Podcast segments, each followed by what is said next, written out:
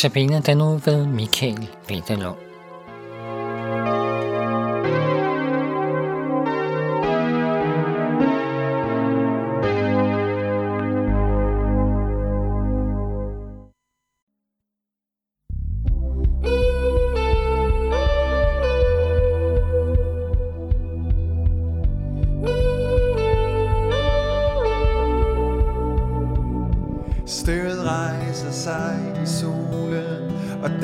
Sig. Livet mylder frem igen. Ingen lange skygger falder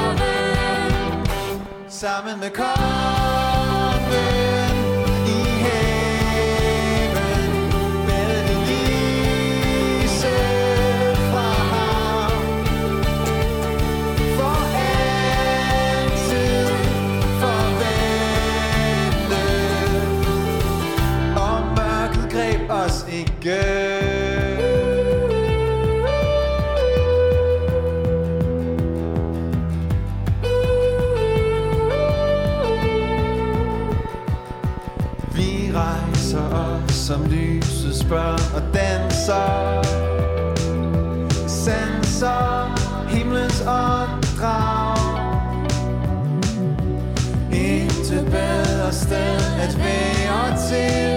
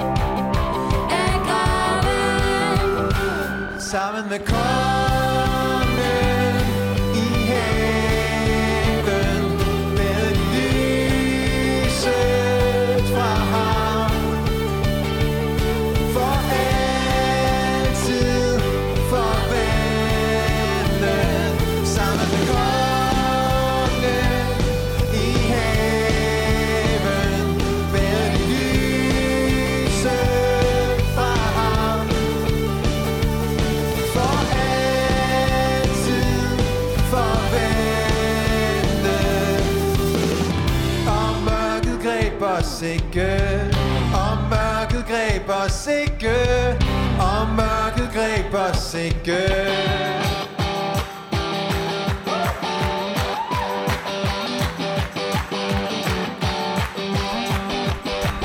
Og mørket greb os ikke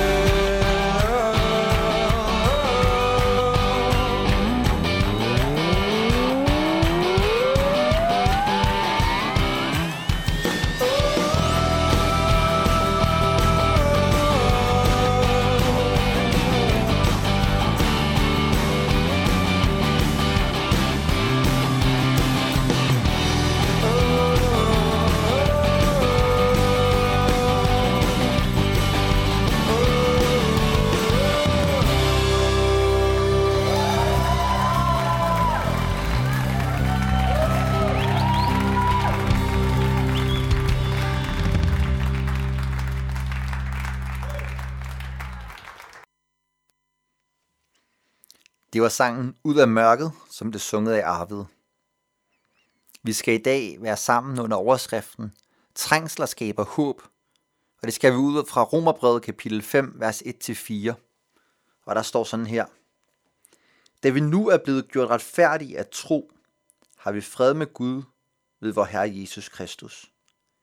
Ved ham har vi i troen fået adgang til den nåde, som vi står i, og vi er stolte af håbet om Guds herlighed. Og ikke alene det. Vi er også stolte af vores trængsler, fordi vi ved, at trængslerne skaber udholdenhed. Udholdenheden fasthed, og fastheden håb. Paulus, der har skrevet det her, var en af kirkens første missionærer. Og som mange andre efter ham, både missionærer og andre, var det ikke let. Han var ofte for, på flugt, han blev pisket, fængslet, led sult og meget andet af den slags. Og siden Paulus i det første århundrede, der har det været et vilkår for dem, der bærer evangeliet til unødet folkeslag. Sjældent har magthaver ønsket evangeliet velkomment. Derfor har det ikke altid været let for kirken, og kirken har skulle, være, skulle kende til trængsler fra starten. For Paulus og helt op i vores tid har kirken været forfulgt. Måske har du også oplevet det, enten i det store eller i det små. Ude i verden sker der bombesprængninger af vores kirker. Præster sættes i fængsler, og konvertitter slås ihjel for deres tro. Men også her i Danmark kan troen koste. Familiebånd bliver brudt, hånende ord fra kollegaer, eller direkte mobning og gentagende verbale angreb mod dem, der offentligt står frem og forsvarer kristne værdier. Jo, selv i vores gamle kristne Danmark har troens folk ofte svære kår. Derfor må vi stoppe op for det, Paulus siger i dag, når han taler om at være stolt af hans trængsler. Er Paulus blevet masokist? Nyder han det, og skal vi derfor også nyde det eller opsøge det? Nej, det tror jeg ikke. Det tror jeg bestemt ikke. For Paulus han afviser det flere andre steder. Men Paulus peger på en kausal kæde, som vi skal være opmærksom på. Trængslen skaber udholdenhed, står der. Og udholdenheden fasthed, og fastheden håb. Paulus mener altså, at netop trængslen og modgangen kan hjælpe os til at leve i håbet. Selvom Paulus om nogen oplevede trængsel, så holder han fast i, at selv det kan virke til det bedre for ham. Og når han gør det, så skyldes det hans håb. Andet sted, der uddyber Paulus det her, når han siger, at hans trængsler nu for intet er at regne mod den velsignelse, der venter ham en dag. Og senere at han ikke, skriver han, at han ikke bliver modløs, for selvom hans krop skulle gå til grunde, så ved han, at han går mod evigheden. Jeg tror, alle oplever trængsler i livet. Ingen af os kan sige os helt fri fra det, om vi er kristne eller ej. Men jeg tror, der er stor forskel på, hvordan vi lader trængslerne påvirke os. For de lov at slå os ud, rive os væk fra Gud og skabe mørke. Eller lader vi trængslerne binde os til ham, der led for vores skyld. Ham, der udholdt alt for at give os et håb i vores elendighed. Paulus kalder os til at se trængslerne som en midlertidig modgang, der skal få os til at løfte blikket fra nuet og skue mod evigheden. Mod den evige sejr, som Jesus vandt for os på Golgata. Da død og helvede blev besejret for at give os et håb om en evig fremtid. Vi må, sammen med Paulus og 2000 års kristne brødre og søstre, der led for troen, løfte vores blik i håbet om Guds herlighed som vi en dag skal se. Uanset om den trængsel, du oplever, er stor eller lille, så prøv at løfte dit blik fra nuet, løft dit blik fra dig selv og trængslen, og se mod ham, det giver evigt håb og evigt liv. Lev dit liv i perspektivet af det, der venter en dag.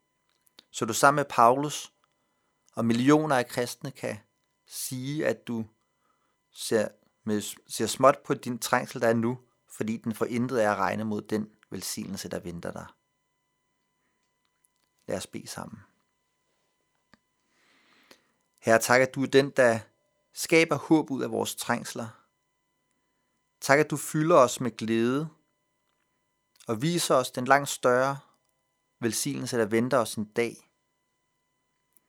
Tak, at den tid, vi er her på jorden, er så kort, og evigheden er så lang. At vi får lov at leve vores liv i forventning om, at der venter en evighed hjemme hos dig. Amen. Vi skal nu høre, du fylder mig med glæde, og den er også sunget af Arvid Asmussen. thank you